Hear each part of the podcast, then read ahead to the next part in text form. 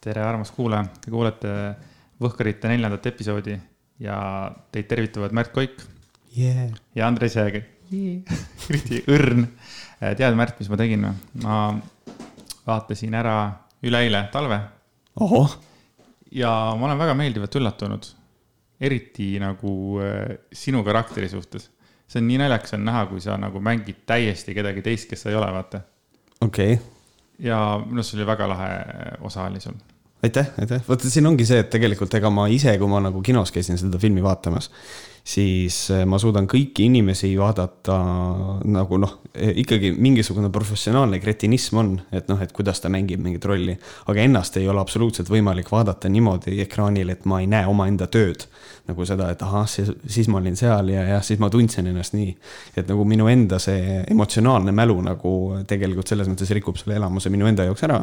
aga see ongi näitleja, näitleja taak. Marko Matvere on näiteks öelnud seda, et tema ei saa üldse teatris käia, et ta vaatab kõik, kuidas kõik töötavad et jah, et see on, ikka tekib, aga suur tänu sulle ja tore, et sa vaatasid. ja tõesti väga vahva oli ja ma kindlasti, aga vot see on, minul on selles mõttes sitaks raske, sellepärast et ma ei tunne ühtegi teist inimest ja mina nagu selles mõttes nagu vaatan nagu ekstra nagu seda sinu osa, vaata mm,. kuna okay. sinu osa oli ka kindlasti kõige fun im, siis oligi nagu seda kõige nagu parem vaadata.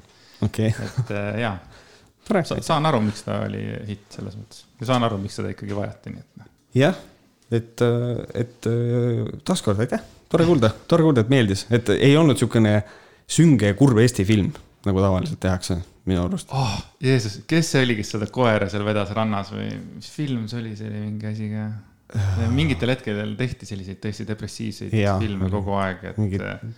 täielik nagu sihuke uim käis.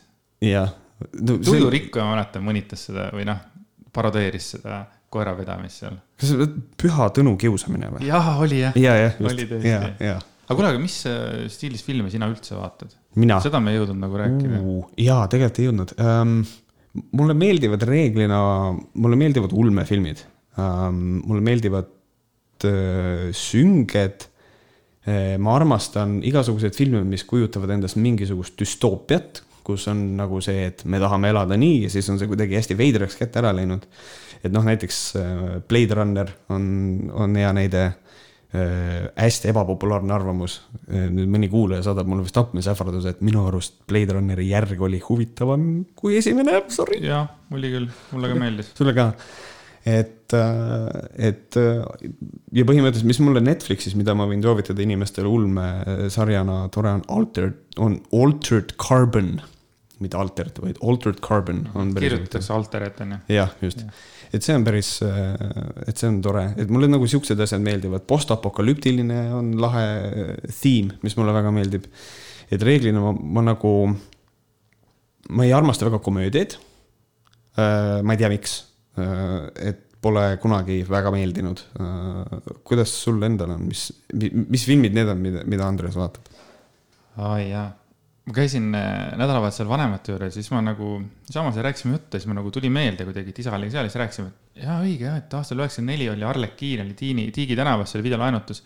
ja ma käisin mingi a la ülepäeviti, võtsin mingi neli-viis filmi, vaatasin kümneaastase kutina, ma vaatasin juba vene keeles neid, noh, vene keeles olid tõlked ja siis yeah. inglise keeles nagu kuulsid seda algteksti aga noh, lapsest saadik ma olen olnud hästi suur Jim Carrey ja Adam Sandleri fänn. Ja Robert Rodriguez'e ja Quentin Tarantino, et mul on selline hästi-hästi lai ampluaa ja mulle üldse meeldib, mulle meeldib hea film ja, ja okei okay., ma saan, see tegelikult ütleb väga palju, et kui sa nimetad Tarantinot ja head filmi, siis ma juba kujutan ette. ma kujutan ette seda, et vene keeles on peale loetud, siis need tiitrid olid alati nii toredad. ja, ja et... Viis krooni oli muide see, kui sai kaamera koopia, sest et noh, sealt TV3-s oli sihuke saade nagu Cinemania yeah. ja siis äh, seal ta lasi seda Ameerika box office'it ja siis iga yeah. kord, kui ma vaatasin Cinemania ära kolmapäeval, siis ma läksingi Arlekiini ja ma võtsin needsamad filmid, mis on top kümnes on ja juba need Arlekiinis olid olemas, selles mõttes nagu nad tegid jube head tööd aastal üheksakümmend neli, ma pakun. Business jooksis selles mõttes. jah, ja filme vaatan hästi palju, et mul ongi probleeme, mida ma oma DVD-dega teen, et ma ei raatsi neid lihtsalt ära panna, sest et mul on nagu niivõrd ilus ja sihuke täiuslik kollektsioon nagu mm -hmm. noh, mille üle ma olen väga uhke, et vot ongi, tegelikult see on see asi, et ma olen ise mõelnud seda, et kui mul oleks korteris üks ruum või kus mul oleks, siis ma oleks ka see inimene, kes koguks mingisuguseid DVD-sid või asju, et, et oleks lihtsalt äh, ja ma, see on hästi veider unistus, aga mul on mõnes mõttes, ma soovin, et mul oleks põhimõtteliselt nagu see kollektsioon ja see näeks välja nagu videolaenutus. ma, ma ei tea, miks, mul oleks kõik olemas, kui keegi küsib, ma võin talle laenata, eks ole, panen kirja. ma ei tea, miks mul on niisugune nagu fantaasia on nagu peas endal olemas. et aga selles mõttes on tore omada siukseid nagu, sest et see on teine asi, on omada seda füüsilist nagu, et see on sul olemas endal. täiega, mul on alati need karbid on lugenud või hästi palju nagu lugenud, et on olemas karp ja siis see nagu see pealis ja see pealispilt ja, ja see on nagu hästi, hästi oluline olnud kogu aeg. Et nüüd ühtepidi on nagu jube hea elu vaata Netflixiga, et muudkui vaja, vajuta ja vali, onju. Mhm. aga mul on nagu probleem sellega, et ma ei saa vajutada nende filmide peale, mis mul DVD-d olemas on, isegi kui ma tahan vaadata mingisugust lolli Sandleri komöödiat mm. -hmm ma pigem lähen võtan selle DVD sealt ära. see on siuke mingisugune, ma ei tea, mis asi see on. sest et see on sinu oma. minu oma, jah. sest et vaata, ongi tegelikult ju see, sellest noh, räägitakse praegu ka nagu digituru kõige suurem probleem ongi see, et äh, sa ei osta endale kunagi filmi, sa ei osta endale videomängu, vaid sa ostad endale õiguse seda mängida mm, -hmm. mis on hoopis teine asi nagu aga minu lemmikfilm on Fight Club ja mu teine lemmikfilm on Sin City, et need kaks on nagu mm, -hmm. mis mhm. on minu isiksust mõjutanud sinnapoole, kus ma olen mm. -hmm. koos teiste paljude asjadega, mis ka mõjutavad, aga need kaks asja. okei okay,, lihtsalt veel üks kõrvalepõige, kuidas sulle Sin City A Dame to Kill For, see teine film meeldis? ma olin väga pettunud, ma olin ma väga pettunud, ma ootasin seda aastaid, kuna ma teadsin, kui räägiti sellest, et nüüd tuleb, nüüd tuleb, nüüd tuleb ja viis aastat juba just hoiti, et no nüüd tuleb mm. -hmm. ja siis tuli ja käisin seda kinos vaatamas, kinos oli vist kaks inimest, ma arvan, noh, minuga koos mm -hmm. oli üks pluss mina. ja noh, kuna ma olin Robert Rodriguez'i või olen siiamaani Robert Rodriguez'i väga suur austaja, siis ma ikkagi nagu mõtlesin selle filmi enda jaoks heaks. ja siis IMDB-s ma panin selle yeah. indeks kuus, on ju, mhm. noh, aga noh, ma ei saa võrrelda kuute ja kümmet, et nagu noh, Sin Cityt ma olen küll näinud vist mingi, ma ei tea kakskümmend korda, ma arvan küll jah. Fight Clubiga sama lugu. sest ma mäletan, ma vaatasin seda järgi ja siis seda järgi vaadates mul, mul nagu mõte läks kogu aeg selle peale, et ainus asi, mis selle filmi nagu publiku vist tõi, oli see, et seal mängib see Ava Green ja ta Brolli näitab dissi ja siis oligi nagu kõik. et aga ma tean seda, minu arust on mingi uus Sin City projekt on töös äh,. aga ma isegi vist sarjana või, või ühesõnaga, et Sin City kui nagu frantsiis äh, nagu sellises audiovisuaalses vormis on tegelikult siiamaani nagu. ma veits kardan selliseid asju mina ka, mul on ka alati nagu süda selles mõttes puperdab, et, et noh, et mm -hmm. see võib hästi halb olla, et mm. -hmm. aga jah, Rodriguez'e puhul ma nagu käisin, tellisin kõik filmid, mis seal on, ma käisin, otsisin poest, ma sain mingi seti, kus oli Desperado, Once Upon a Time in Hollywoodid, El Mariachi, kõik olid koos ja mm. -hmm. Ja, ja siis mingi, võib-olla mõned aastad tagasi ma kasvasin lõpuks Rodriguez'est, Rodriguez'est välja, kuna ma nüüd olen sellises eas, et ma ei saa enam aru, mis ta teeb, et ma olen aru saanud, et Rodriguez äh,, Rodriguez äh, mõjus mulle siis, kui ma olingi Desperadot nägin, ütleme üheksakümmend viis kuni siis ütleme mingisugune, ma ei tea, kaks tuhat viisteist näiteks mm. -hmm. ja siis üks hetk ma kuidagi, midagi nagu muutus mu sees, mis on hästi veider, et nagu sihuke lapsepõlve armastus, aga, aga midagi nagu muutus mm. -hmm. ja, muidugi nii, nüüd meil ja. oli väga lahe pikk intro lihtsalt, kus me rääkisime filmidest, võib-olla me peaksime tegema mingi filmiteemalise saate lihtsalt. oi, oi, oi, oi. mõnus neljatunnine saade tuleb sellest. aga põhimõtteliselt ähm, minu küsimus, mis ma tahan su käest küsida, et äh, kas sina nägid, kuidas äh, Martin Helme keeldus Delfi ajakirjanikule valitsuse pressikonverentsil vastamast, sest et väidetavalt neil on kõik asjad fake news mm ta ikkagi mängib mängu, kus ta nagu elab mingis oma, mis, kus see postapokalüptiline düs-. düstoopia. düstoopias, et äh, aga ma saan väga hästi aru, kust see nagu kõik tuleb, et äh, Donald Trump on Ameerikas, teeb sama asja, ei räägi mingite yeah. äh, väljaannetega ja Eestis on varemgi olnud äh, poliitikuid, kes lihtsalt ütlevad, et ma ei räägi sinuga, ma ei mängi sinuga yeah.. aga kui sa oled nagu minister. jah, just noh, selles mõttes, mida mina kohe mõtlesin, minu esimene mõte oli see, et selle asjaga seoses, et noh, tegelikult minu, minu kohta on ka ilmunud, mida ma võin nimetada valeuudiseks, mis oli seotud minu telesaatega, mis ma tegin, kus kohas meile ei antud luba filmida Toompea, siis nagu Toompeal.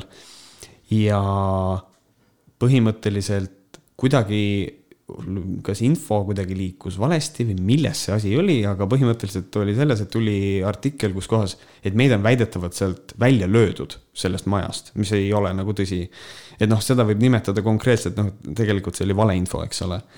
et äh, aga siis ma nagu sain ikkagi aru sellest, et ka seal on ikka väga suur vahe, et on äh, möödarääkivus, millest läheb meediasse valeinfo versus see et sa oled valitsuse pressikonverentsil ja su käest küsitakse küsimus ja sa ei vasta, et see on ikka täiesti teine asi. pluss, kas keegi saab saata, kas mulle või Andrea selle, selle valeuudise, millest äh, Martin Helme räägib, mis asjad, mis on need valeuudised? kas see on see kuradi tüüp, kelle ta palkas, kes oli seotud mingi raha, mingisuguse veidrate kuradi rahaskeemidega või mis on see valeuudis nagu? Jah, et siin ei ole ju tegelikult kaheti mõistmist, nagu Markus Järvi ütleks, et noh, ei saa teistmoodi aru saada ju. et äh, noh, ilmselgelt, kui ta ütleb, et ma ei räägi teiega, siis on ju kõik. kas üldse ütles teiega või, seda ei teagi äh,? ei, ta ikka teietas jah, seal ja, ja oli küll aga. aga said sa aru, milles see põhiprobleem oli, mis ikkagi see Delfi talle niimoodi hirmsalt tegi? ei noh, sellepärast ongi, see ongi, sellepärast ma palungi, et äh, nad võiks saata meile selle lingi, et äh, mis on see valeuudis, mis ta nii jõudsalt endast välja ajas, et nagu mis, mida siis see Delfi valesti tegi. et, äh, et, et noh, ma ei tea, see, see, see on, see on minu arust nii veider olukord ikkagi, kus kohas me nagu võime olla sellises olukorras, et me anname, me kuulutame välja, et meil on pressikonverents ja siis meil on lihtsalt, me uksest sisse laseme, aga me ei vasta teie küsimustele, mis on nii kuradi kummaline. ja nagu, mis on eriti rõve tegelikult, kelle peale ma olen eriti pahane, on Jüri Ratas. sest ta on täiesti hambutu munn minu arust. sest et ta on lihtsalt nagu, ta ei, ta ei ütle mitte midagi ja siis, kui küsib. Never teine väljaanne nagu, see vist oli, kas Äripäeva ajakirjanik küsis, et, et noh, et kuidas te nagu kommenteerite seda, et nagu sellele küsimusele nagu ta ei vastanud. siis ta vastus on see, et aga see küsimus sai ju vastuse. Fuck you, that's not the point, kuidas te kommenteerite seda, et ta keeldub vastamast, for fuck's sake, et see on nii okse nagu. et ma ei tea, ma ei tea. Jüri Ratas ajab ka mind juba nii, nii, nii, nii närvis, ma olen siiamaani teda ignoreerinud, aga noh, fuck's sake, dude ta on pantvangis, nagu öeldakse, mulle, mulle nagu meeldib see, see mõte või see väljend, et ta on nagu Helmede pantvangis seal, ta ei saa nagu midagi väga tehagi, sellepärast et noh, kui ta lõpuks midagi teeb või lükkab nad sealt välja kuhugile, lükkab nad toolilt maha, et siis ka tema, teda lükatakse toolilt maha, et noh mm -hmm., mida, mida sa väga teed, kui sa väga tahad olla Eesti peaminister ja.... tema, jah, ta, see on tema peamine eesmärk. Eesti peaministrina on olla Eesti peaminister aga minu arust viimasel ajal on äh, hakatud rohkem rääkima jälle sellest, et nad äh, teeksid äh, reformikatega nagu collaboration'i mm. -hmm. sellest räägitakse päris palju ja kogu aeg räägitakse kahest variandist, et kas see, et noh, kui nad teevad selle collaboration'i, et siis mängitakse niimoodi, et siis Kallas on president ja Ratas on peaminister või et hoopiski Ratas läheb presidendiks ja Kaja Kallas läheb peaministriks. ja sellest järjest räägitakse mm,. noh minu seisukoht praegu nii äh, suur võhkar, kui ma selles ka ei ole, siis nagu kõrvaltvaatajana mina leian seda, et äh, pigem panna peaministriks sellisel juhul Kaja Kallas, sellepärast et peaminister on rohkem aktiivsem amet. ei no sinusuguse liberalisti käest ei olegi muud kuulda, sa oled reformar oota, mis, kuidas sa ütlesid enda videotes, ref-? Reformi ko-, Reformi koer või? Reformierakonna Reform... koer ja. nimetatakse, kuigi ma ei ole kunagi nende vali olnud ja ilmselt ei ole ka, aga, aga ma olen nende koer ja. sest et noh, presidendi amet on oluliselt selline sümboolsem no,. enam ei ole. kui no. sa, kui sa nagu vaatad, mina vaatan meie armast presidenti ja, ja. ma ei tea, mul on päris hea tunne. ei, selles mõttes küll nagu ma ei, jah ma olen tead, pean, tead, kui palju ma pean vaidlema kogu aeg inimestega, kes ütlevad, kui nõme president Eestis on. ma viimasel ajal, tähendab, parandan ennast, ma ei pea vaidlema, ma paar korda nagu üritasin nagu mm -hmm. noh, oma nagu mõtteid nagu jagada, et, et miks nagu ta mulle meeldib. aga siis ma olen aru saanud, et okei okay,, noh, sina näed seda, et ta ei meeldi sulle, sa näed nagu neid jooni. siis ma proovin nagu seda aktsepteerida, et samamoodi mul Facebookis on, ma olen hu, noh, huvi või no ma olen nagu märganud, et mul Facebookis päris päris palju tuttavaid ja ka mingite nurkade alt sõpru, kes ongi hästi suured EKRE toetajad mm -hmm. ja hästi suured äh, Kaljulaidi äh, need vihkajad mm. -hmm. ja seda on huvitav jälgida jah, see, ja see on, see on nagu kummaline, et selles mõttes äh, ilmselt see on niimoodi, et Kaljulaidi maailmavaade ja sellest maailmavaatest lähtuvalt mingisugused sammud on nii kardinaalselt vastu siis sellisele konservatiivsele klikile, kes nagu siis on mega ärritunud ja nimetavad teda eurobürokraadiks ja kõigeks, et kuigi minu arust kõik presidendid on karjääripoliitikud olnud, et see on nagu kummaline, kes ei oleks olnud ja, ja nii edasi. aga noh, tead, vaatame kas, kas jälgime edasi. jälgime edasi, ma arvan küll jah, et siin ei ole muud midagi. Selles mõttes, aga rääkides sellest äh, EKRE asjast, siis äh, Andreas saatis mulle artikli äh, uueduudised.ee, kus me siis jätkame nüüd seksuaalkasvatuse teemat, üldse me räägime seksist täna palju, meil on täna seksi podcast mm. -hmm. et mitte siis me ei räägi seksist, aga me räägime inimestest, kellel on seksiga probleem põhimõtteliselt. ühesõnaga uued uudised, siis seal äh, tuli välja siis selline artikkel, mille pealkiri, pealkiri on, et mõtisklusi seksuaalhariduse kohta ehk äh, riietatavast banaanist koolitunnis. ja selle asja autor äh, on siis üks naisterahvas, kes on kirjutanud veel artikleid siis sinna UU ehk siis Uued Uudised portaali ja see on hästi veider artikkel äh, ja see on hästi, ja see on nagu hästi rumal. et ähm, ma toon näiteks ühe, ühe hea näite sellest, äh, et nõnda siis. seksuaalhariduse andmine kuulub kodule. vähemalt olime meie tol ajal murdeealised noored inimesed, mis toimub või võib hakata toimuma Eesti Vabariigi lasteaedades ja algkoolides. see ei ole enam sugugi naljakas, väikestest lastest on sügavalt kahju. kuidas suudab lapsevanem hiljem heastada lasteaedades ja koolis tehtu? juttu on siis seksuaalharidusest. nüüd see küsimus, kuidas suudab lapsevanem heastada koolis tehtu? minu küsimus on, kuidas suudab heastada lapsevanem tegemata töö? Jah, täpselt samamoodi, et nagu et nagu heastada on siis mida, et nagu kumb on lihtsam, kumb on lihtsam heastada, kas halba seksuaalharidust, head seksuaalharidust või null seksuaalharidust? What the fuck? Nagu, et selles mõttes, et see on nii kummaline olukord, et, et räägitakse ju praegu väga tugevalt ju sellest, et seksuaalharidus koolides on vajalik eeskätt sellepärast, et lapsed teaksid, mida see kõik endast kujutab ja et nad osaks, oskaksid öelda ei teatud olukordades, kui keegi neid näiteks tuleb katsuma tänaval, näiteks mõni konservatiivne mees, kes tahab lastega seksida. just, ja selles samas artiklis see naisterahvas ütleb ka, et äh, tema sai teada, et seks on olemas, kui ta oli kaheksa aastane ja vägistamise olemasolust äh, sai ta teada, õigemini ta oli kirjas avastas, kui ta oli kolmteist. ma kohe mõtlesin selle peale, et kolmteist avastas. What? oota, kolmteist? Jesus Christ ma mäletan, et ta ütles seda, et ta arvas, et tegu on äh, kägistamise trükiveaga. Äh, sest et ta kirjutas artiklis, et, mm-hmm. et arvas, et jutt on kägistamisest, aga siis sai teada. kolmteist, Jeesus Kristus. kui vana sa olid, kui sa olid, äh, said seksist teadlikuks? ma arvan, et ikka, ikka varem, aga, aga ma nagu mõtlengi selle peale, et ma oleks tahtnud nagu seda saada teada võib-olla targemalt mm. -hmm mitte nagu eksitusmeetodid ja mingisugune kuskilt millegi nägemine või kuulmine yeah, või, või kuskilt millegi leidmine, noh, ma ei tea, noh. et minu arust see on nagu väga kohutav, kui ta ütleb ka, et sai teada kaheksa-aastaselt, et ähm, no jah, aga see on nii suur võimalus seda, kuidas seda oleks võidud ära kasutada näiteks mm -hmm. seksuaalselt, kuna laps ei tea mitte midagi ja tema nagu sai nii hilja teada sellest. ja just. see on nagu päris hull minu arvates. et noh, selles mõttes ongi, et kui kui sa ei tea, et niisugune asi nagu vägistamine on olemas ja no ja, ja sa oled, ütleme kümme on ju ja peaks juht-, see on nii crazy, see on nii veider, et üldse see, see on suht kurb, on selle peale tegelikult niimoodi mõelda, sest mina ise sain seksist teadlikuks, kui ma olin, ma arvan, kuskil viiene siis mu ema tegi mulle selgeks, et no, et siuksed asjad, no kui inimesed tegelevad sellise asjaga. see on nii lahe, kui sa päriselt ütlesid seda, et sul nagu ema rääkis sellest ja,. jah, jah. selle, selle koha pealt minul on nagu null nagu minul kodus ei räägitud nõukogude kasvatus, no selles mõttes sellest ei räägitud mm,. Minul, see, see tunnengi puudus sellest. mul nagu. oli vist see, et ma telekas äh, oli nagu vist seksistseen ja siis ma nagu küsisin ema käest, et, et nagu, et nagu is this, mis asi, mis asi see on ja siis oli lihtsalt nii.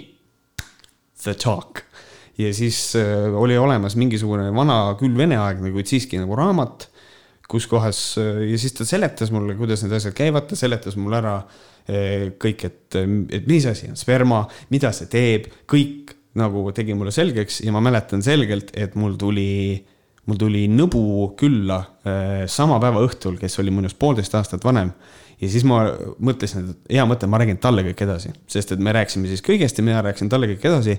ja ma mäletan seda, et ta oli minust poolteist aastat vanem ja kui ma hakkasin talle nendest asjadest rääkima, siis ta lihtsalt itsitas vahetpidamata. sest et tal oli nii ebamugav. Et... Ja, ja samas ta on ainult, kui sa ütlesid, et sa olid viis, ta oli kuus ja. pool, siis ma saan ja. väga hästi aru, miks itsitas. jah, no tegelikult ongi. praegu itsitavad, ma ei tea ka ma usun, kui keskkoolis poistele rääkida, nad itsitsevad samamoodi. jah, just ja, ja nüüd tagasi selle artikli juurde, mis on selle artikli juures äh, otseselt, ma tundsin, see puudutas mind äh,, oli see, et äh, ta siukse negatiivse artikli kirjutab ja siis ta ütleb naljatades, et äh, et kui keegi tahab nüüd hakata teda selle teksti pärast kohtusse kaevama, siis arvestage sellega, et ma teen satiiri.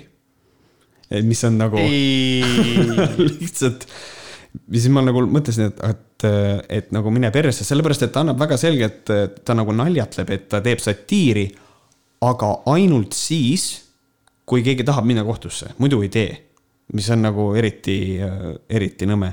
ja tal on hästi veider komme on see, et ta üritab oma argumente eh, kuidagi nagu Eh, teha nagu tõsiseltvõetavaks läbi selle, et ta räägib hoopis kõrvalistest asjadest, hästi mingi põhjalikult, ta räägib mingitest oma lemmikluuletajatest, räägib, räägib nende mingit elukäiku, eks ole, millel ei ole absoluutselt mitte mingisugust pistmist artikli endaga, aga ta nagu sellega üritab luua endale mingisugust autoriteeti, et ta siis saaks öelda, kuidas sa pead mõtlema. mis on hästi jaburalt eh, lihtsakoeline viis, kuidas seda teha. ja minu arust nagu, millest ma nagu aru saan selle artikli puhul on see, et tegelikult tal oli üks äh, negatiivne kogemus ühe, siis nagu ma aru sain, õpetajaga, kui ta tegelikult siin seda ei maini, mingi vene, vene, vene noormees, kes tuli tema kooli ja, ja, ja siis nagu hakkas rääk-, küsis, et äh, mingi märjaks minemisest ja midagi ja, ja siis keegi ütles, et äh, neil on piinlik seal. selle kohta ma ütlen, et ma saan väga hästi aru selles mõttes, et see võiski olla väga ebamugav, sellepärast et sellistest asjadest ei oldud nagu räägitud ei lapsepõlves, ei koolis ega mitte kuskil. järsku tuleb üks noh, ma ei tea, ma ei tea, tõesti ei tea, milline see tüüp oli, onju, äkki tuleb mingisugune sihuke vana ja hakkabki rääkima, see võibki väga ebameeldiv olla, et siis hetkel oligi nagu siis probleem selles, et tal oli ebapädev siis seksuaalkasvataja või siis õpetaja, eks ole. just et selles on siis nagu probleem ju. läbi mille ta eeldab, et tänapäeval on samasugused ebapädevad õpetajad. kõik on sellised vastikud, mingisugused eh, ligased vene noormehed, kes võtavad banaani kätte ja ütlevad, et noh, hakkame preservatiivi peale kuhu panema. et see on nii okse nagu selles mõttes, et eh, haridussüsteem areneb konstantselt.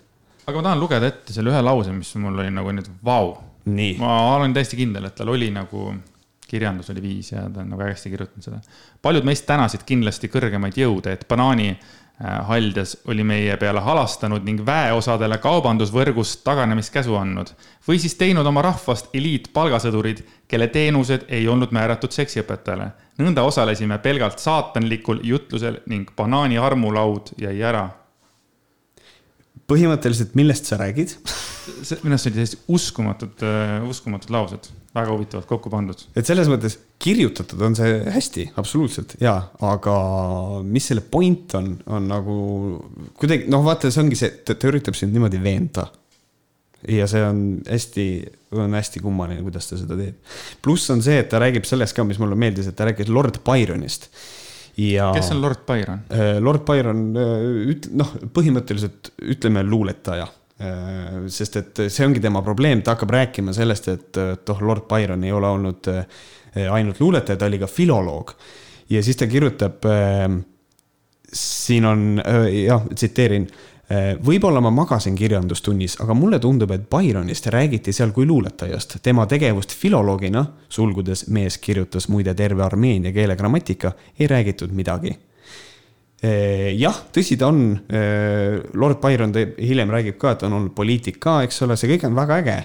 aga kirjandustunnis ei räägita Armeenia grammatikast, seal räägitakse kirjandusest, ehk siis näiteks kui inimene on luuletaja. et nagu sa ei maganud kirjandustunnis, sul oli ilmselt õpetaja selles aines oli pädev, erinevalt seksuaalõpetusest. mul oli küll Armeenia grammari gra,, grammatikatund, siis mul oli Liibüa kodukasvat, ma ei tea. sa ei oska isegi Ei, ei, tundi aineid nimetada. et, et noh, selles mõttes, et äh, Byron eeskätt äh, on siiski poeet, sorry. Aga ah,, ei, siis ta hakkab meid Byroni teemadel terve lõigu vältel äh, rääkima sellest, et mida Byron on teinud ja milline Byron oli, mis on täiesti eba, ebaoluline kogu selle artikli tegelikus kontekstis, et aga noh, see point veel, mis ta seal oli, et oligi, et vanemad õpetavad ise, mida nad peavad vajalikuks. ja, ja nii, nii hästi või halvasti, kui nad oskavad. just, ja siis, et äh, äh, siis ta nagu pöördus nende poole, kes nagu sellega rahul ei ole ja siis ütles, et, ärge muretsege, et elu ongi kannatus. et kui lapsed nagu ei tea, siis elu ongi kannatus. eh, mida? ehk jah, just, et siis äh, kui keegi jääb teismeliselt rasedaks, sest et on sitt seksuaalõpetus, siis elu ongi kannatus ja nii ongi ette määratud või? just, ja kui et... vanemad ei räägi, siis ei räägi noh. Fucking, fucking Christ, see on nagu see, et põhimõtteliselt autor ütleb jumala selgelt välja selle, et, et seksuaalõpetus võib olla puudulik ja halb ja see on jumala okei okay,, sest et eestlane kannatab. ma ei, ma ei tea. hästi kole on öelda seda, aga huvitav, kas ta perse ei taha minna, et selles mõttes nagu miks meil ei võiks olla korralik seksuaalharidus, et meil oleks inimesed seksuaal, seksuaaltervis oleks ka nagu, mitte ainult rahvatervis on nagu seksuaaltervis on osa sellest. et see on nii veider, pluss see võrdlus, mille ta toob suitsetamisega ja õige, räägi sellest ka. Et põhimõtteliselt on see, et noh, kui me hakkame juba lasteaias seksist rääkima, et siis äkki äkki sätiks sisse koolitunnid, kus räägitakse suitsetamise voorustest. ehk siis tema viitab sellele, et seksil on mingid voorused, mis on, tegelikult on seksil voorused selles mõttes ka nagu immuunsussüsteemi tugevdab ja kõik, aga noh su,, suva, sa ei tea niikuinii, sul pole olnud seksuaalharidust. et siis ähm, põhimõtteliselt on nagu et me võiksime nagu rääkida, et miks teha suitsu, lugeda luuletusi mingisuguseid, mis, et noh, et võiks suitsu teha ja kõik see, mis on nagu, kui sa võrdled seksi suitsetamisega, ta võrdles seksi suitsetamisega. siis äh, ma tõstan kaks kätt üles, ütlen, sul on olnud erakordselt sitt seksuaalharidus ja ma loodan, et mitte kellelgi ei ole nii sitta seksuaalharidust kui sinul, kallis autor ja, tundub, et me jätkame inimestega, kes on, kellel on probleeme seksiga ja nad kuidagi satuvad kas nagu samasse, samale leheküljele kirjutama või siis äh, vennasleheküljele, et see on huvitav jah.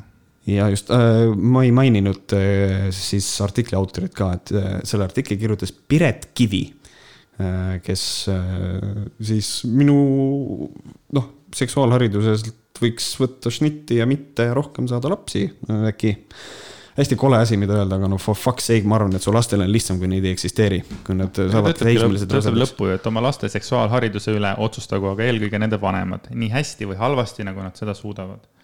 ma ei ole nõus, ma ei ole ka nõus. see sellepärast me sellest rääkisimegi, ma ei ole nõus. nii, nii, mis asi nüüd selle- sind üles küttis, millest, mis seksiteema sind üles küttis?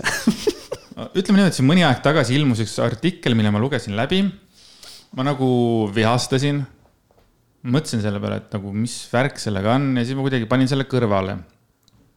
aga, aga ma kuidagi ei saanud sellest üle ja ma otsustasin, et see saade on täpselt see õige saade, kus seda nagu nüüd sellest rääkida.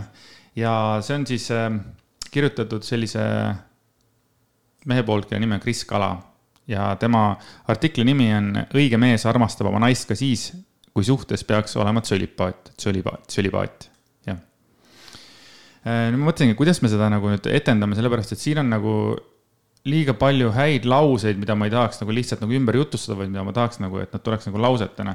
kas meil oleks võimalik teha niimoodi, et sina oled Kris Kala või? sina loed ette lause ja ma tahaksin nagu sinule vastata jaa, olgu, olgu. noh, ja loomulikult äh, ma ootan ka sinu nagu selles mõttes, et. ei, muidugi, muidugi, mul on äh, väga raske öelda midagi lolli ja siis mitte seda kommenteerida. Need on need punktiga sul siin, jah? jah,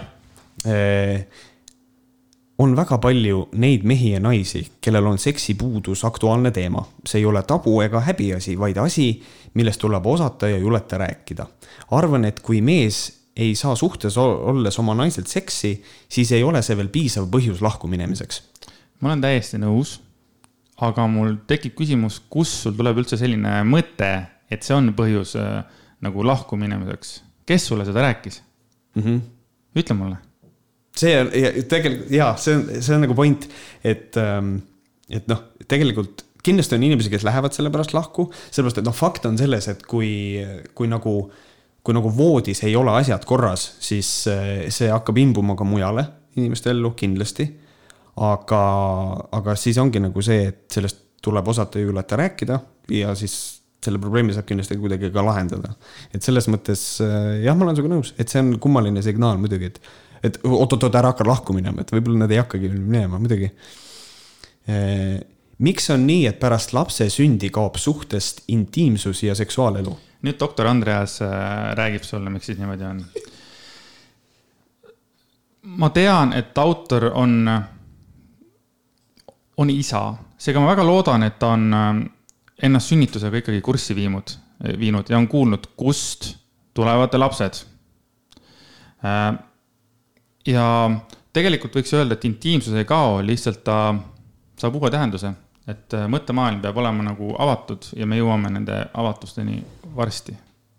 aga alustame sellest, et kust lapsed tulevad. mõtle selle peale, Kris, mõtle, kust tulevad. mis toimub, ah? ma ei oska praegu vastata, vaata ise ei no jah, aga sa tead, kust lapsed tulevad, sa ja. said viieaastaselt teada sellest põhimõtteliselt mm. -hmm.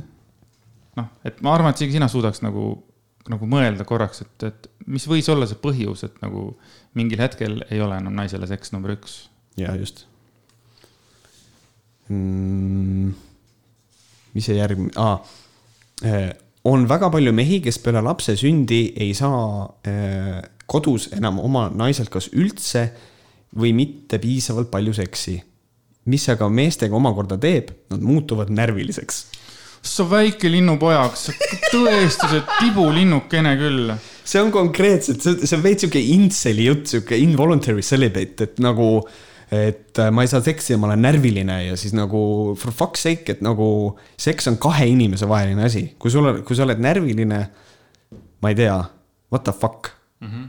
Ja noh, taaskord, Kris, mõtle, et naine sai esimest korda emaks. tema tähelepanu on pööratud väikese maailma ime peale, mille tegelikult sina nagu oled ka kaasautor, eks ole.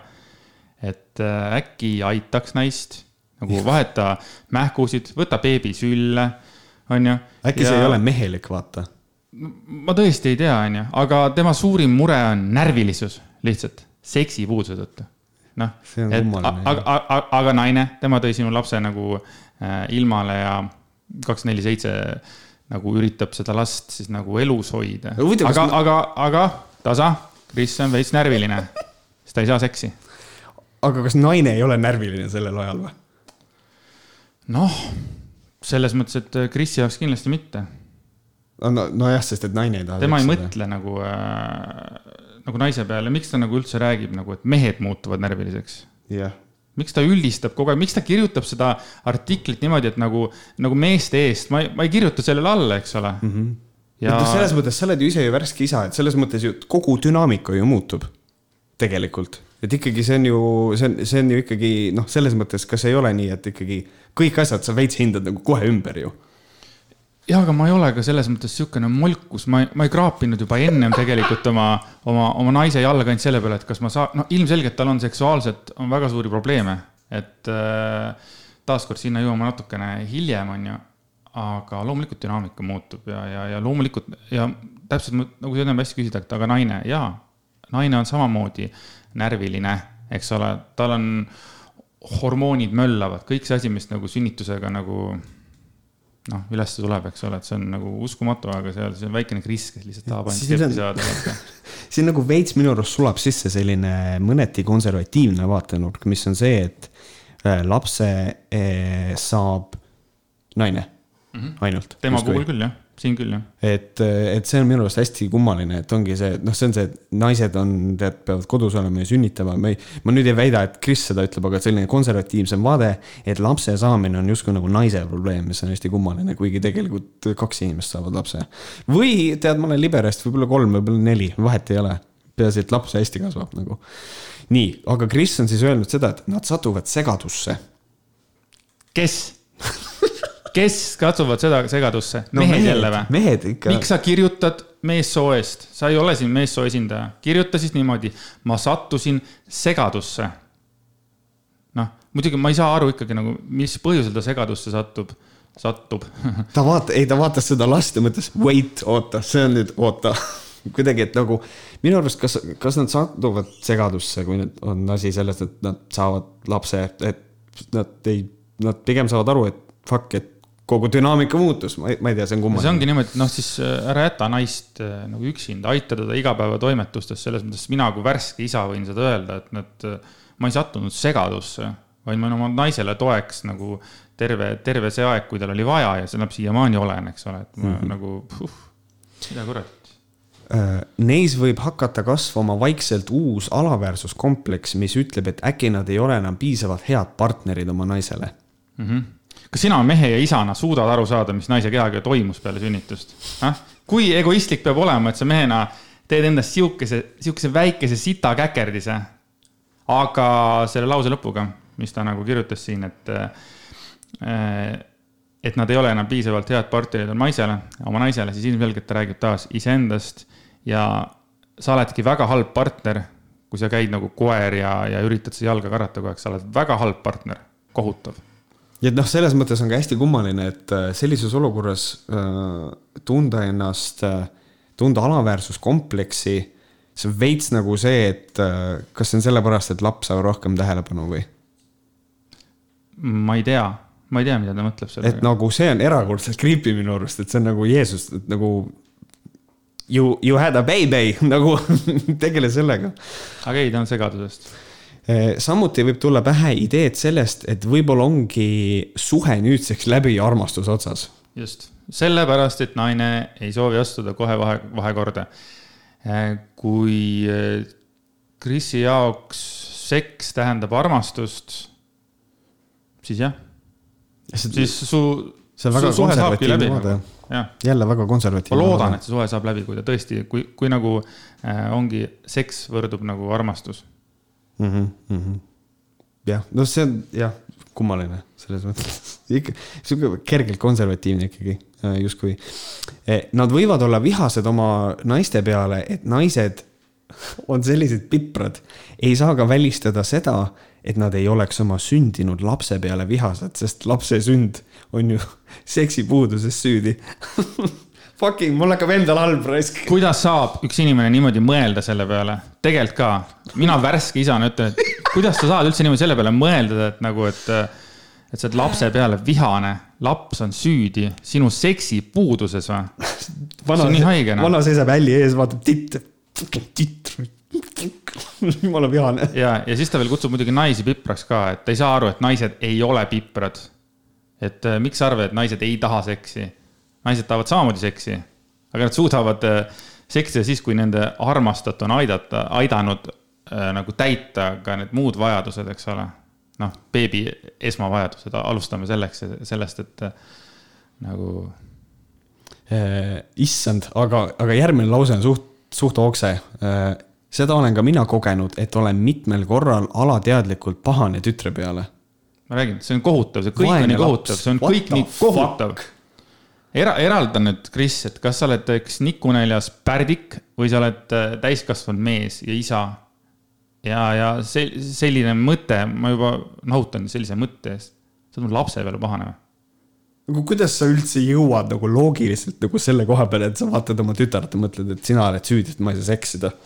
Jeesus Kristus, ma ei tea, kui öö, kui seks, kui see seksijanu on nii suur, võib-olla sa räägid oma, oma kaasaga, võib-olla ma ei tea, teete avatud suhted, et mees saaks seksida, ma ei tea, ma ei, ma ei saa sellest aru, nagu kõik asjad on läbirääkimiste küsimus, see on, see on nii kummaline, see on nii veider. aga järgmine lause. väga paljud mehed, kellega olen sellel teemal rääkinud, on kinnitanud minu kogemust ka enda isiklike lugudega. enamikes suhetes saab seks otsa pärast lapse sündimist ja naine ei anna enam kätte ning mees jääb kuivale. väga paljud sõbrad oli siin kirjas äh,, mehed. paljud on, mehed. minul on kohe küsimus, mis see valim on, kui suur on see valim, et ta saab teha sellise üldistuse, et enamikes suhetes saab seks otsa pärast lapse sündimist? Mm, ma ei tea, äkki tal on mingisugused statistika andmed täitsa. ei, ta räägib endast, kas sa ei saa aru, et kõik on ju tegelikult ju puhtalt pandud, ta, ta ütleb, et mehed ja enam teised ja blablabla bla. aga kui tõesti väga paljud mehed seda räägivad, siis noh, ütle, kes on sinu sõbrad ja ma ütlen, kes oled sina. et mina ei tea sihukesi inimesi, ma ei tea ühtegi meest, kes niimoodi räägib, et nagu selline asi nüüd otsa saab, eks ole. ja sellisest lausest, et nagu naine ei anna enam kätte. just, ma tahtsin seda rõhutada, et eh, selle lause ehitus, enamikes suhetes saab seks otsa pärast lapse sündimist ja naine ei anna enam kätte ja mees jääb kuivale. mees pannakse siin su, nagu sujuvalt ohvri rolli ja naine on süüdi, et, et ei anna. ja, ja ühtegi millimeetritki austust ei ole nagu Krisil naiste vastu, mul on tunne. ja see, mida ta nagu teeb, on vaimne manipulatsioon, täielikult. sest mm -hmm. sellega, et tema ei anna kätte ja on kõiges süüdi.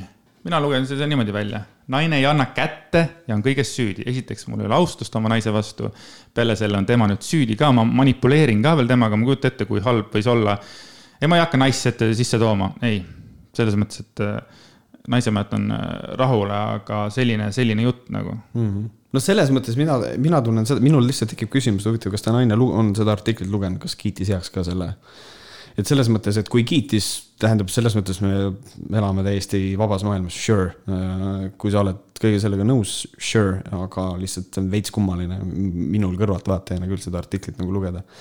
võttes arvesse, et noh, tal on naine mm see kõik, mis meest valdama võib hakata, võib viia selleni, et mees muutub kohmetuks, ei oska enam oma naisele mitte kuidagi läheneda. see tähendab seda, et mees ei oska oma naist enam ilusti ja meelitavalt kom siis komplimenteerida.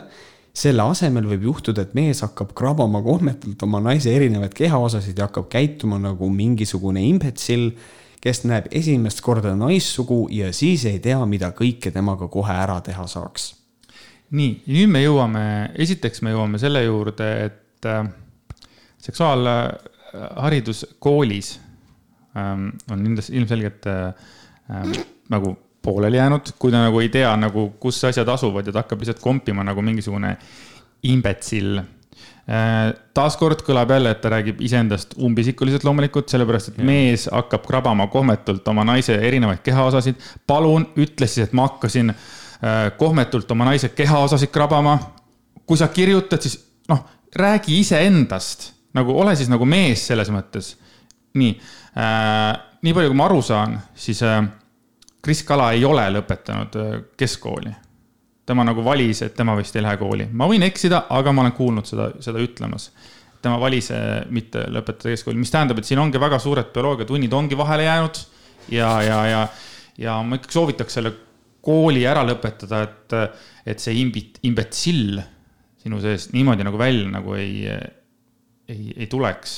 mind huvitab selle, selle nagu mõtte juures nagu see, et äh, siin justkui, siin justkui sellest äh, mõttest jääb nagu selline mulje, et äh,, et ta enne, kas siis tema või ma tulen Krisile vastu, see umbisikuline mees oskas oma naist, oskas teha komplimente, ta oskas temaga enne, ta oskas, ma ei tea, siis elu, elutoa diivanil jutuga järsku minna temaga kuskile voodisse. okei okay,, see kõik on nagu äge. kuidas on võimalik, et suhtes näiteks siis seesama lapse saamine selle, seda suhet nii hullult nagu Karile ja nii hullult degradeerib seda suhet, et, et sa hakkad järsku käituma nagu ahv nagu ja võtad perssest kinni, ma ei saa sellest aru. ja, aga me ei, me ei saagi sellest aru saada. see on nagu, see on. samas paljud mehed muutuvad. Fuck you, sina muutusid, meie ei saa aru, sada protsenti siin lauas istujatest ei saa aru sellest see on nii kummaline. Eh, see tunne, kiim, iha ja soov ennast oma naisega seksuaalselt jagada on minu silmis kaheetapiline. tal on kaks etappi, kuulake nüüd. esimene etapp on see oh, fuck, see on eba, ebamugav on seda lugeda. esimene etapp on see, kus oled lihtsalt kiimas ja soovid saada seksi.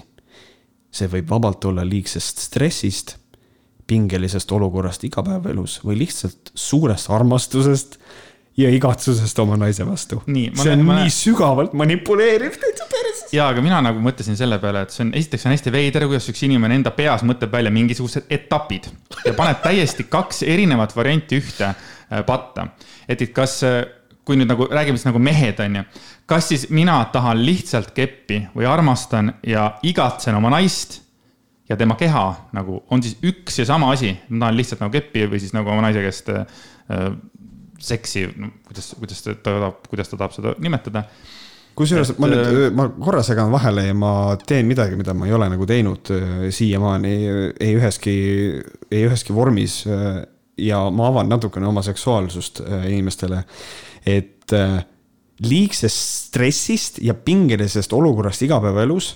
ma olen täiesti kindel, et need on kaks stress ja pingeline olukord igapäevaelus. kindlasti mina ei taha seksida, kui mul on väga stressirohke päev olnud minu jaoks ei ole seks olnud mitte kunagi stressi maandamiseks, see on jube veider, nagu ma ei saa sellest aru. What the fuck, never, ma ei tea, võib-olla ma olen friik, aga never ever. jaa, ma olen sinuga nõus, et kui sul on ikkagi stress ja, ja murepilved on peakool, siis on nagu viimane asi, millele sa mõtled, tegelikult on seks, ükskõik kui kaunis naisterahvas su ees on, et, et sa nagu tegeled nende oma muredega ja, ja tõesti, ja on inimesed, kes vist äh, seksivadki, et siis saavad sellest äh, depressioonist, kuidas sa ütlesid seda, mis see sõna oli, et, et noh, jah, seksivadki selleks, et sellest lahti. vabaneda, vabaneda pingest justkui. just, ja mina ka ei ole see vend, kui mul on ikka mure ja mul on ikka tõsiselt nagu raske olla mingi asjaga, eks ole. mul on ka viimane asi, mis mul tuleb pähe, on seks ja võib-olla mõni, ma ei, tea, võib-olla mõni läheb jõusaali, ma ei tea. ja teine jõusaal on selles mõttes lahe asi, et kui paljud ka räägivad, et oo, ma lähen jõusaali ja siis ma muremõtted lammutan ära. ma lähen jõusaali, mul läheb trenn, trenn, trenn, trenn, putsi. mul läheb trenn läheb täiesti perse, kui mul on nagu mm., äh, nagu ma olen vaimselt nagu mul on nagu suured mured, mul läheb trenn perse. sest et sa ei saa ennast fokusseerida sellele tegevusele. nagu selle ja kui sa oled stressis ja hakkad seksima, siis sa oled ka, sul on fookus ju mujal, see on, see on jube veider. ja, ja üldse see on kummaline, on see, tüüd ähm,. esimene etapp on, sa oled lihtsalt kiimes ja soovid saada seksi, sa just ütlesid, et seks on armastus ka, et äh, kas siis sa räägid iseendale vastu praegu tegelikult, et sellega, et oh, ma olen kiimas ja, ja, ja tahan seksi saada, et aga kui sa ütled, et seks on armastus, annad väga tugevat mõiste, siis kuidas siis tegelikult on, Kris, et mulle tundub, et siin on väikene error, aga samas ma olen segaduses praegu. teine etapp. teine etapp on see, mis jõuab kätte siis, kui oled väga pikalt elanud väljut-. okei okay,, see lause ehitus ehmatas mind teine etapp on see, mis jõuab kätte siis, kui oled väga pikalt elanud väljutamata spermaga ning ka omaenda käsi pole soovinud kasutusele võtta. kõlab toorelt ja rõvedalt, aga ma räägin asjadest nii, nagu need tegelikult on. kas sa kardad enda keha, kas äh, eneserahuldamine on sinu jaoks täielikult nagu tabu ja õudus? miks sa ei soovi oma käsi kasutusele võtta, kas need käed on liiga suured ja neid küsimusi on veel, mis mul nagu tekkis, et see on üks paljudest teemadest, millega senior kala võiks, äh, võiks abi otsida, ma arvan. Noh, ta vastab ka sulle, et olgem ausad, mehed, kes on ennast ise rahuldanud ja oma elus ka seksi saanud, teavad suurepäraselt, et pihku löömine ei ole päris see, ei ole päris see ja see tegevus seda tunnet ei rahulda ega maanda. jah, ei ole. Ja mis siis? Ja naise keha ei ole ka peale sünnitust enam see, mis ta oli ennem. kas sa selle peale mõtlesid, sõbrakene? ei no kuule, tal on väljutamata sperma, ta ei mõtle sellele, ta lihtsalt mõtleb, et I wanna spit. et see on, ma ei tea, see on, uh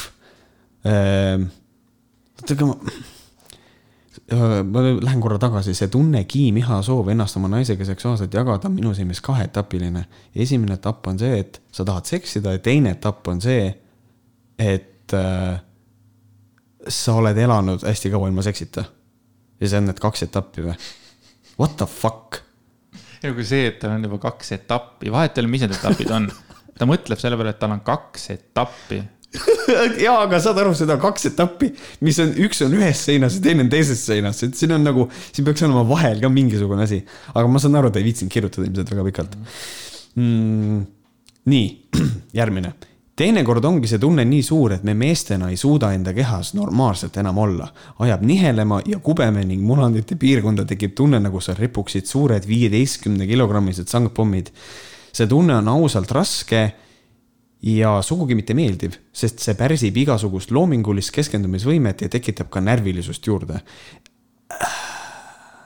Mul ei ole never ever selline tunne olnud, et mul on muna.... kas sa ei saa aru, et me meestena ei suuda enam normaalselt olla? me meestena ei suuda normaalselt olla. ma ei ole mees, ma olen liberast, okei okay.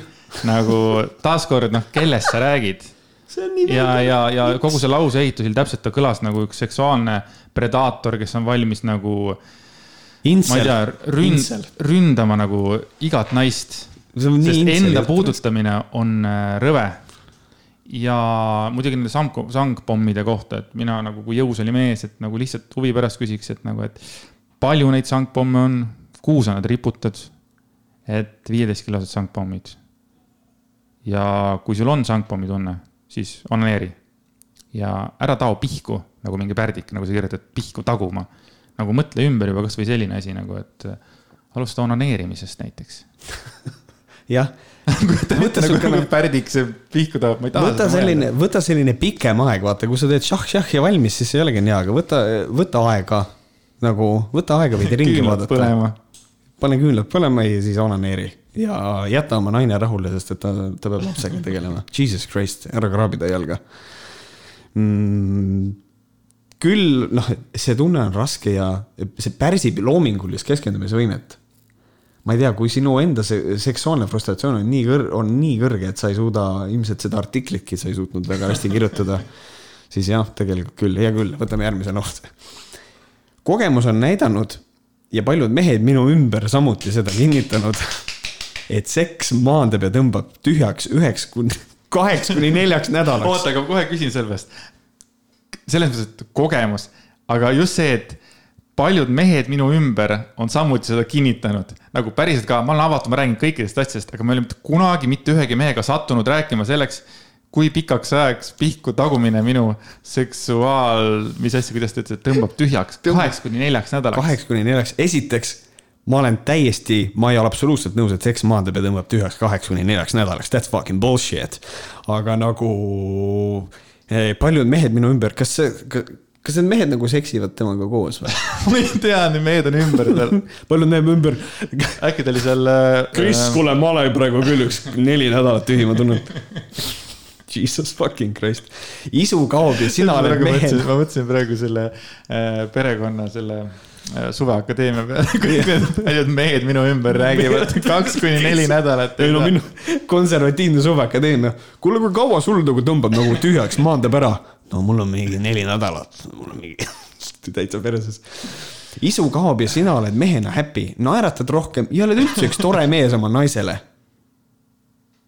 et nagu jaa, aga, aga, aga mida naine tunneb, kas naine on nagu see, et fuck, ma pean jälle seksima mehega, ma ei taha praegu, mul ei ole praegu see, et mehel on tore olla ma. ei kujuta üldse, et äh, tegelikult teda naeratamas, et see, see artikkel nagu jätab küll sellise mulje, et siin küll ei ole nagu midagi, et ta on üks, jah.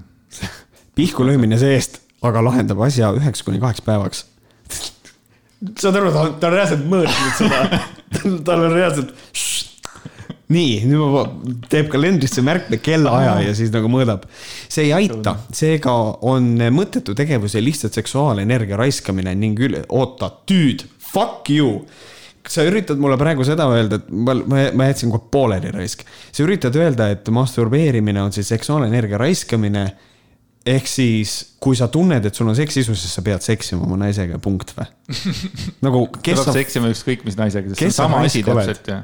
ma ei, kes sa esimene oled enda etapp arvates?, sa tahad, kas armastad oma naist või seksida ükskõik kellega. jah, just ja siis on nagu ja siis on teine etapp, kus on juba täiesti perses lihtsalt. sangpommid on küljes. ma ei, et see on oma aja ja energia raiskamine tegevusele, mis tegelikult tulemust ei too. toob ju, sa just ütlesid, üheks kuni kaheks päevaks. masturbeeri tihedamini ja on korras. nagu aga sa, sa, õnnestusid ühe lause äh, lugeda siit, aga see mehe sees olev ängistus ei kao mitte kuskile või sa lugesid, ma ei tea. aga see mehe sees olev ängistus ei kao mitte kuskile.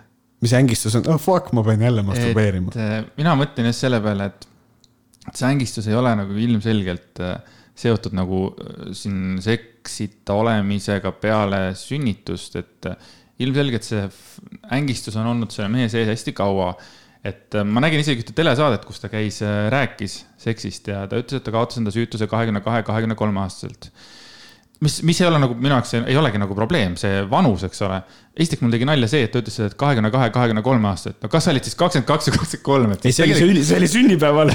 see oli sünnipäeval. tegelikult minu arvates teavad mehed väga hästi, noh, vähemalt kuni mingi ajani, eks ole, täpselt kui vanad nad kaotasid oma süütuse, mina tean seda täpselt, ma ja, ja, ja ma usun, et ka paljud teised mehed, ei tegelikult ma räägin iseendast. aga jah, see, et see seksuaalne ängistus on ta sees olnud nagu kokku vist natuke kauem, et kuna ta on seitse aastat olnud suhtes ja ta on ühe naisega olnud, et noh. jah, mina teen järelduse, et see äng on midagi muud. -hmm, jah ehm,. ah, ah jaa, see on minu, see on minu lemmik.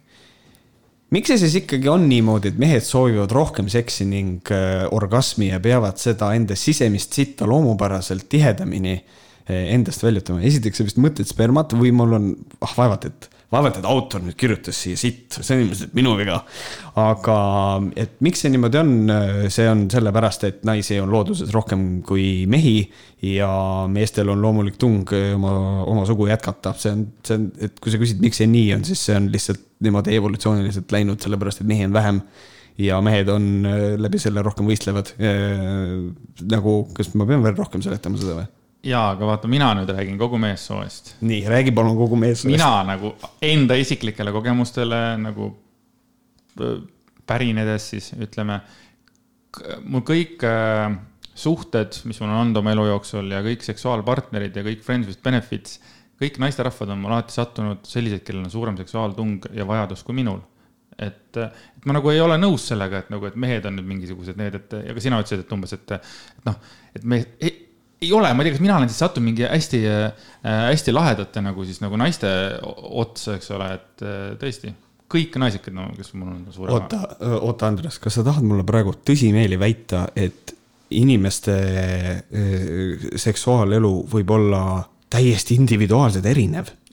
issand jumal. aga meie mehed ju tegelikult me räägime tavaliselt tegelikult ja ma olen paljude sõpradega rääkinud, et kaks kuni neli nädalat ja siis üks kuni kaks päeva. Aga see, kuidas ta nagu ähm, räägib sellest sisemisest sitast, et, et ma tahaks küsida, tõesti, nagu sa ütlesid, mis asi on see sisemine sitt, kuidas selle väljutamine käib?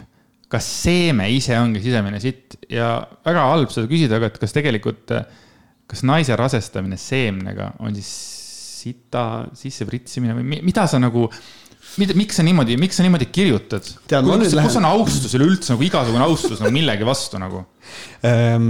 ma nüüd äh, astun Krisi kaitseks välja, see sisemine sitt tähendab ka kogu seda stressi, Andres, mis su sees on, kui see, et sa ei saa seksida. ja siis, kui sa lahti saad, siis sul on lihtsalt oh, take it all, kogu see stress läheb naise sisse. et see on äh,. teine aus jah. see on niisugune äh, Eh, ma ei tea, võib-olla sina tead, jaga siis palun, no me just rääkisime, kiri tagasi, kuula uuesti. jah, oleme seda terve aja teinud, et, et pole tänu väärt. kui sa oled naine, siis palun jaga enda kogemust, kas ta nüüd mõtleb siin nüüd cis-naisi või ka transnaisi, ma ei tea.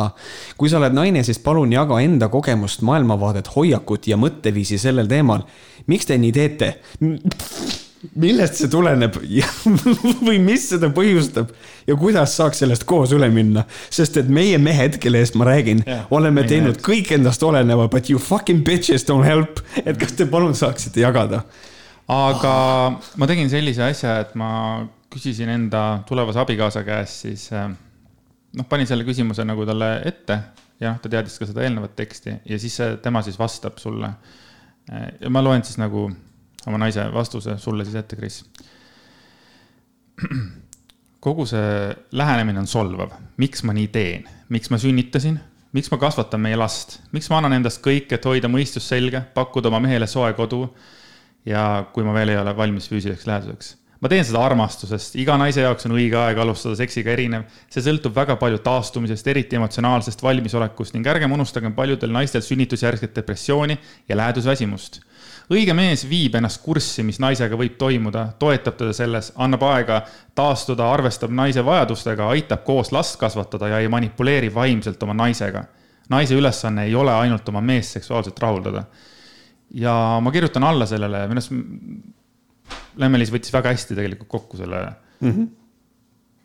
et, et, et kuula palun äh, uuesti üle see nagu see tekst, võta korra uuesti ja uuesti ja mõtle selle peale, mida sa oled teinud ja mida sa nagu kuidas sa võiksid nagu midagi teha?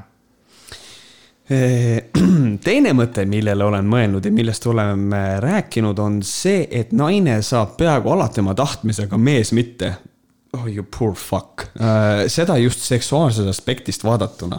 kui naine ei soovi seksi, siis mees seda ikka naljalt ei saa ka välja arvatud juhul, kui mees otsustab oma naist vägisi võtta, aga ükski armastav ja oma naisest hooliv ning lugupidav mees sellist sitta ei korraldaks.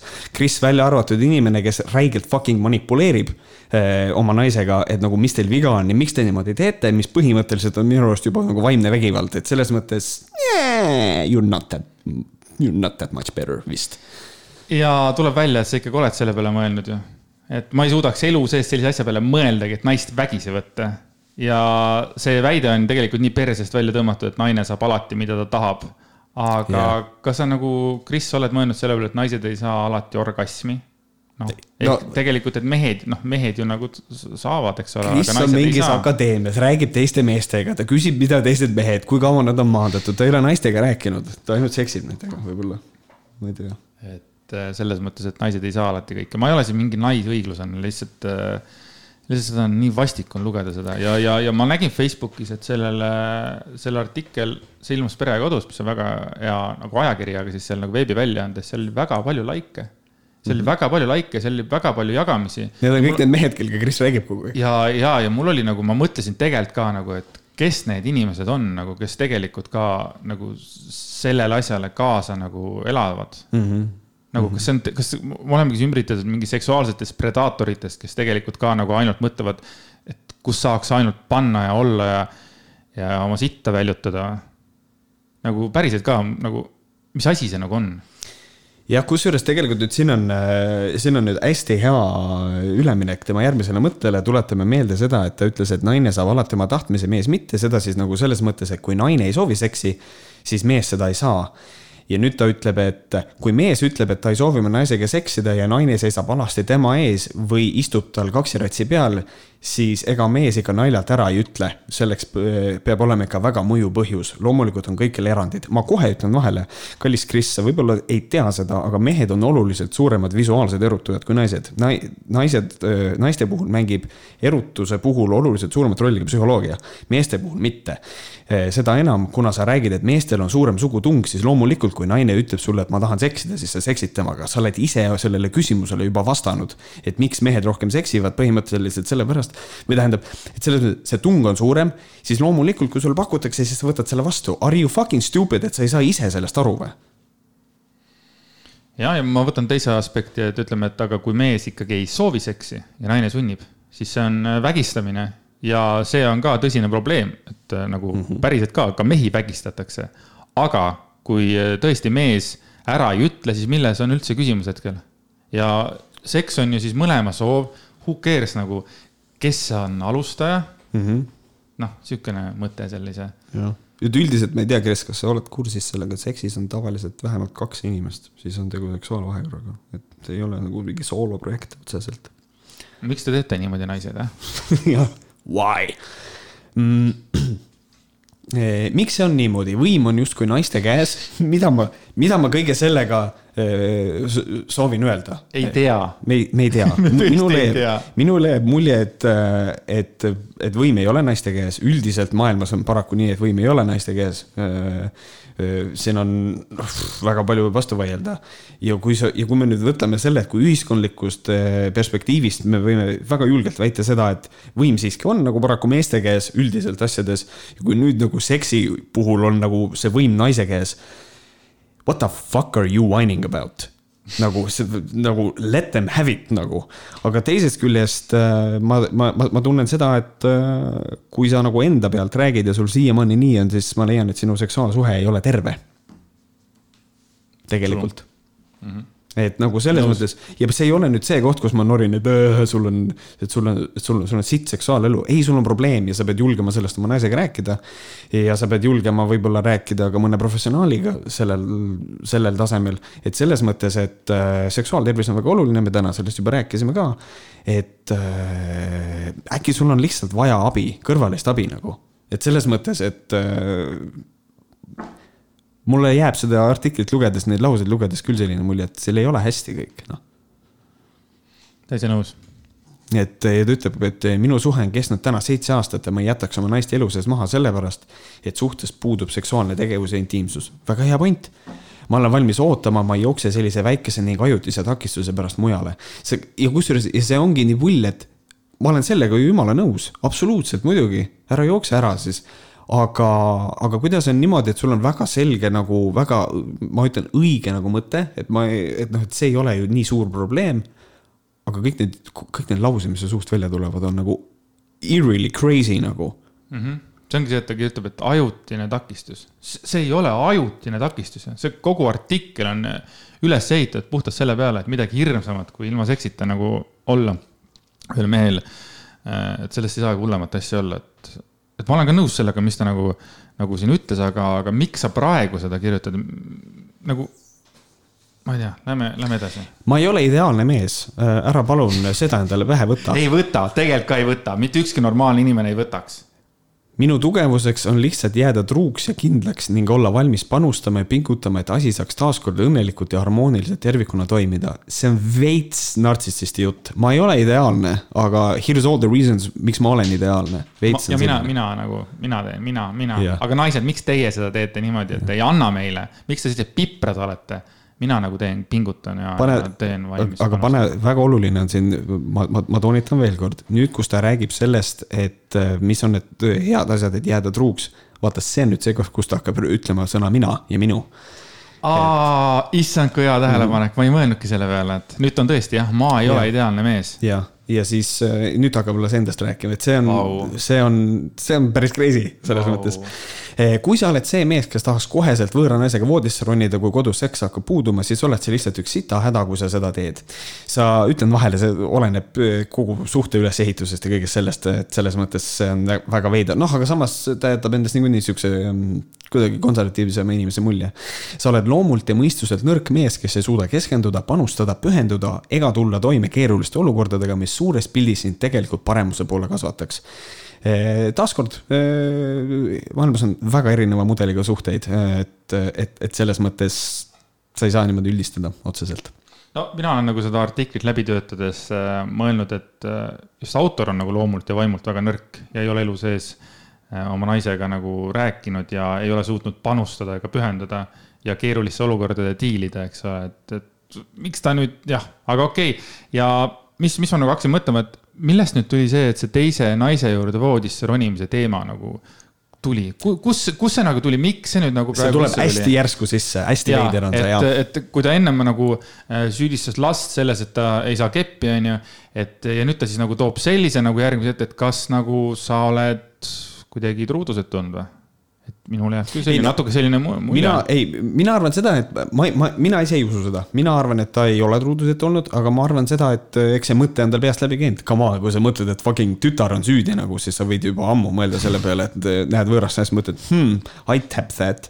ja siis mõtled, et aga samas noh, ma, ma, ma, ma ei hakka nagu, selles mõttes kui, kui sa oled suhtes ja sa näed teist ilusat naist ja sa mõtled selle peale, et hmm, siis see on tegelikult, see on see on normaalne, oluline on see, mida sa ellu viid ja teed tead, mida ma kõige rohkem vihkan, ma vihkan siukseid mehi, kes äh, ütlevad, et äh, noh, tõesti, et käid seal, näed, ma ei tea, näed, Jennifer Lopez on ikka üks ilus naine. ei, ma ei vaata, ma, ma olen ainult oma naist. tapa ära ennast, Taun, nagu, nagu tegelikult ka, et selles mõttes, et kui sa ei julge isegi seda öelda või rääkida, et, et mis nagu toimub teie suhtes nagu selles mõttes. jah, ja teine asi on see, et äh, on olemas mehi, kes äh, ei julge nagu heteromehi, kes ei julge öelda, et mingi mees on ilus. -hmm. oled kunagi täheldanud seda, ei, mis asja ilus, ma ei tea, ma. ma olen... ei oska sellise pilguga vaadata. ma ei oska sellise pilguga. Yes you can, nagu jaa, sa vaatad mõnele kutile peale, sa saad aru, okei okay.. jah, sa vaatad Uku Suvistet on ju noh, näiteks, noh, sa vaatad neid silmi, sa upud ära sinna silmadesse, et sa ei pea olema selle jaoks nagu homoseksuaal, et aru saada, et sa oled natuke liiga ilus, vaata. just, just, just minu arvates õige mees armastab oma naist ka siis, kui suhtes peaks olema tsölibaat. jah, seks suhtes on oluline, kuid olgem ausad, kas seksi puudus teeb sinu naisest kehvema naise või kas sellepärast on suhe sitt, et suhtes ei ole aktiivset suguelu? kindlasti mitte. mina vähemasti niimoodi ei arva. arvad ju? kuigi ta on terve artikli väitel, vältel tegelikult jätnud hoopis teistsuguse mulje nagu. ta süüdistab terve artikli naissugu meeste tunnetest mittehoolimises ja nagu mitte seksi saamises ja see sildistamine, fucking sildistamine. õige mees, õige mees ei jätaks, õige mees ei teeks, igalühel on mingisugune oma arusaam õiges mees. naised, miks te nii teete? ja, ja aga, aga mõtle seda, et õige mees, vaata, et äh, vanasti öeldi, et äh, kui sa ei ole nagu suusamaratoni läbinud, siis äh, õige mees ikka läbib vaata suusamaratoni, eks ole, näiteks. sihuke kuradi Priit Pullerits, et õige mees, et ju teeb ikka sporti kogu aeg. just, või siis näiteks, et sul on autojuhiload. vanasti oli ka see point, kui sul on autojuhiload, õigel mehel on autojuhiload. Ja siis mul tekib küsimus, et aga, et noh, neid on nii palju erinevaid, et neid õige mees niimoodi ei teeks. miks sa sildistad, mis asi on õige mees, et kas sina oled käinud maratonil ja autolubasid teinud ja mida iganes, sa ei ole keskkooliga lõpetanud, et.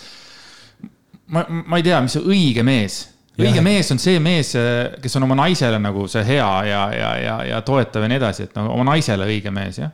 Muidugi, sa räägid ju nagu kogu meessoo eest, nüüd äkki tuli see maa sisse, ma ei saa praegu üle sellest, kui sa selle peale pöörasid mulle, et terve artikkel on meie mehed, mehed, mehed rääkisid, mehed tegid, mehed tegid ja siis järsku tuleb maa. Mina. mina tegin. mina, minu jaoks on oluline truudus ja, ja minu isiklik äh, kogemuslik soovitus äh, on see, et ära jookse teise naise juurde, sest sa ei tea ealastki, millal tuleb see hetk, kus olukord pöördub ja naine soovib sinuga kogu aeg ennast intiimselt ja armastavat magamistoas jagada tulemata see kindlasti ei jää ähm,. ära mine teise naise juurde, sest äkki see naine ühel hetkel lihtsalt, lihtsalt seksib su surnuks.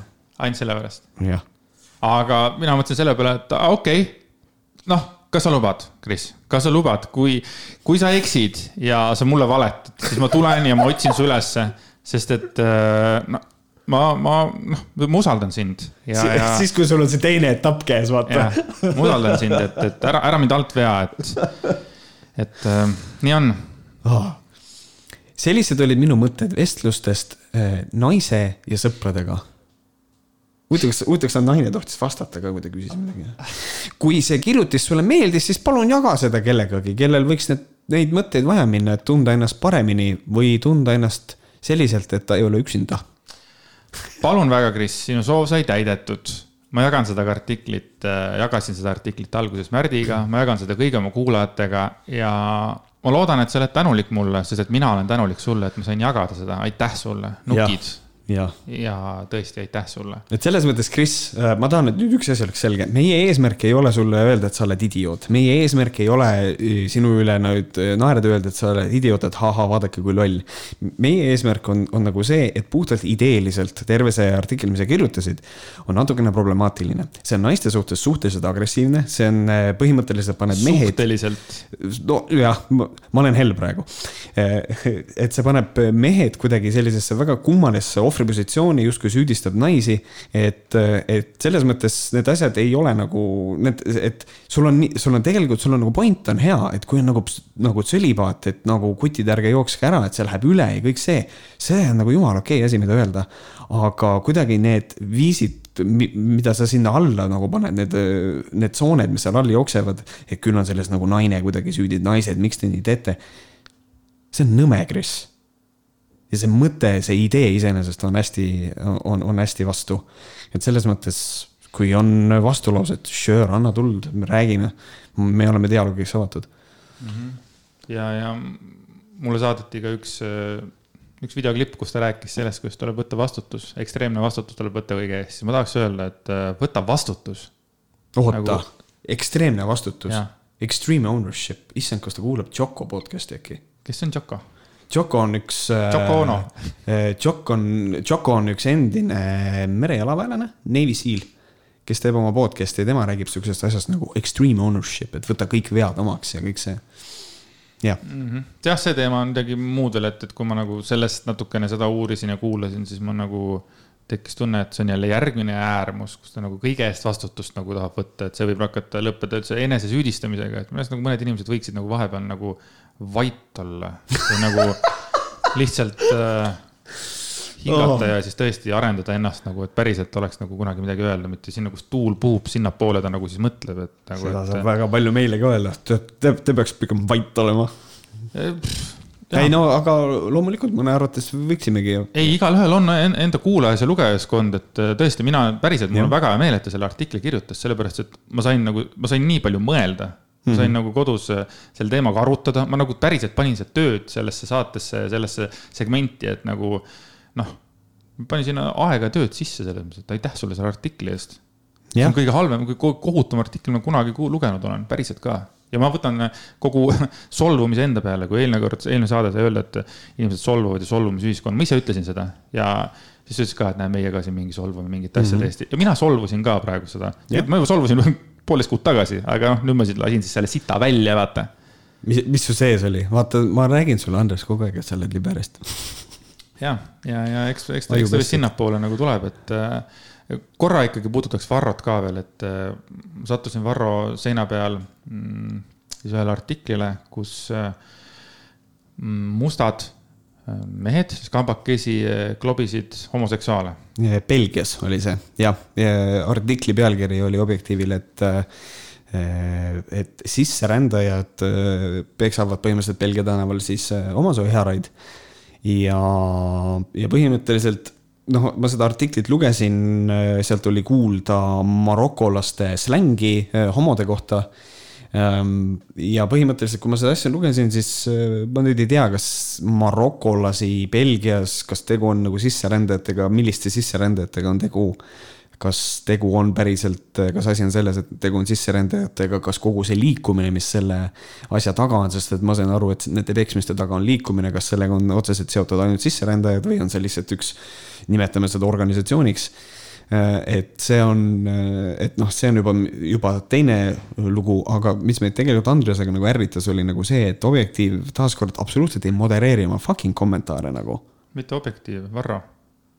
see on jah, noh. jah, selles mõttes see on Varro, Varro Facebooki lehel, mis on avalik selles mõttes mm. -hmm. ja siin nagu mõned kommentaarid lihtsalt, et, et inimesed, inimestel on nagu sihuke ahaa vibe on peal ja siis, et, et murjamid on tublid selles asjas, pederastid pole normaalsed inimesed noh, selline kommentaar äh, jumalakartlikul mehel nagu Varro, kas see on nagu päris okei okay asi nagu, mida nagu seina peal hoida ja yeah. näiteks kommentaar, et see on nüüd küll libela-, see ei ole nüüd nagu problemaatiline kommentaar, see lihtsalt nagu jäi mulle silma, et äh, see on nüüd küll liberaalidele raske äh, dilemma, kumma poolt olla. jah, nagu sa ütlesid, ma olen liberast, mul ei ole nagu probleemi, kumma poolt olla. absoluutselt, mille vägivald on sügavalt taunitav, selles mõttes, kui sa, kui, kui sa oled vägivaldne ja sa oled sisserändaja ja sa ei suuda seadustest kinni pidada, siis ma leian, et seda inimest on vaja adekvaatselt karistada. et selles mõttes, et siin ei ole absoluutselt keeruline, mina olen full blown liberest nagu selles mõttes, et äh, äh, mina leian seda, et inimesed võiksid olla vabalt teha seda, mida nad tahavad, nii kaua, nii kaua, kuni teised ei saa viga, kõik ja kui keegi, vahet ei ole, kas ta on homoseksuaal, kas ta on biseksuaal, kas ta on must, valge, lilla, mis iganes, oh, see on päris, huvitav kalambuur praegu, et ma lilla ütlesin. aga, aga põhimõte on nagu selles, et aga kui sa teed teistele liiga, siis that's a big no-no, et see absoluutselt ei ole keeruline poolt valida. lihtsalt nagu kole on lugeda seda parastamist nüüd nagu, et et mustad klobivad nüüd noh, ütleme siis niimoodi, et nagu ma ütlen niimoodi, et äh, neegrid klobivad siis pederaste, kas siis nagu see on siis nagu see, mida siis nagu nemad seal siis nagu näevad ja siis on nagu, näed, ma nagu rääkisin sulle, tead, et see neegri näru. see, ma ütlen, need ei ole minu sõnad, ma lihtsalt nagu tekib, tekib sihuke tunne, et kas see on nagu see või? mentaliteet justkui jah. see mentaliteet on nagu selline, see on jube õudne, noh, see, aga, aga, aga samas see näitab seda, kui pealiskaudselt nad nagu kuidagi suhtuvad sellesse kõike, et kuidas nagu liberaal mõtleb, et liberaal kutsub kõik inimesed sisse ja siis ei tee midagi, et ei, me nagu ikkagi leiame seda, et vägivald ei ole mitte kunagi lahendus. jah, mulle ei meeldiks ka see, kui kümme homoseksuaali ühte musta taob, et jah, väga hästi öeldud. või, või, või, või teine asi, kui Varro Vooglaid saaks tänaval homoaktivistide käest peksa, siis Väga see oleks erakordselt nõme ja sitt asi, mida teha. mina läheks automaatselt appi. absoluutselt, muidugi. anda kohtusse, karistada, absoluutselt, muidugi. et selles mõttes, et see on nii nõme asi, mida öelda. küll aga üritame selle positiivse noodi nüüd lõpetuseks ikkagi ka üles tõmmata, et võib-olla te panite tähele, et Andreas ütles oma tulevane abikaasa, nimelt Andres, sa kihlusid, palju õnne. ja aitäh, aitäh. Eh, ja meie kuulajatel on kindlasti hea meel, sest et meie kuulajad on, on, on hästi ägedad. näeme järgmine kord, tšau, meil oli erakordselt. Andres, mulle meeldib, kui sa põlema lähed, see on nii naljakas. ja ma polegi veel jõudnud seda teha, et, et sai nüüd see ka siis ära tehtud.